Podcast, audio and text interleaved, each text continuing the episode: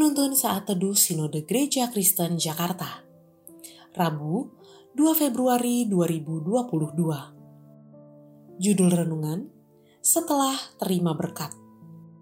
Diambil dari Nats Lukas 17 ayat 11 sampai 19 Kesepuluh orang kusta.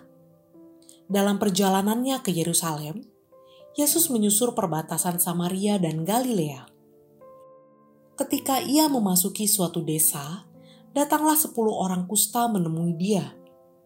Mereka tinggal berdiri agak jauh dan berteriak, Yesus, Guru, kasihanilah kami. Lalu ia memandang mereka dan berkata, Pergilah, perlihatkanlah dirimu kepada imam-imam. Dan sementara mereka di tengah jalan, mereka menjadi tahir. Seorang dari mereka, ketika melihat bahwa ia telah sembuh, kembali sambil memuliakan Allah dengan suara nyaring. Lalu tersungkur di depan kaki Yesus dan mengucap syukur kepadanya. Orang itu adalah seorang Samaria. Lalu Yesus berkata, Bukankah kesepuluh orang tadi semuanya telah menjadi tahir? Di manakah yang sembilan orang itu? Tidak adakah di antara mereka yang kembali untuk memuliakan Allah selain daripada orang asing ini? Lalu ia berkata kepada orang itu, "Berdirilah dan pergilah. Imanmu telah menyelamatkan engkau." Sikap hati dan karakter seseorang akan sangat terlihat bukan sebelum atau saat mendapatkan berkat, tetapi setelah terima berkat. Seperti hari raya Imlek ini setiap orang yang merayakannya, saya percaya pasti merasa mendapat berkat karena dapat masuk ke tahun baru, dapat menikmati keindahan dan kebersamaan pada tahun baru. Bahkan tidak sedikit anak kecil atau anak muda yang mendapat berkat berupa angpau. Ketika mendapat berkat pada hari Imlek ini, tentu saja sangat bahagia.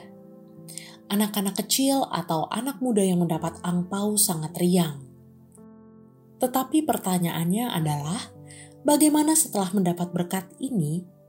Apakah kita hanya menyimpan berkat itu untuk diri sendiri?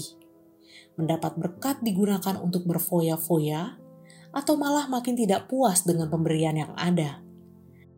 Atau jangan-jangan kita tidak pernah berpikir untuk memakai atau menggunakan berkat itu untuk memuliakan dan bersyukur kepada pemberi berkat?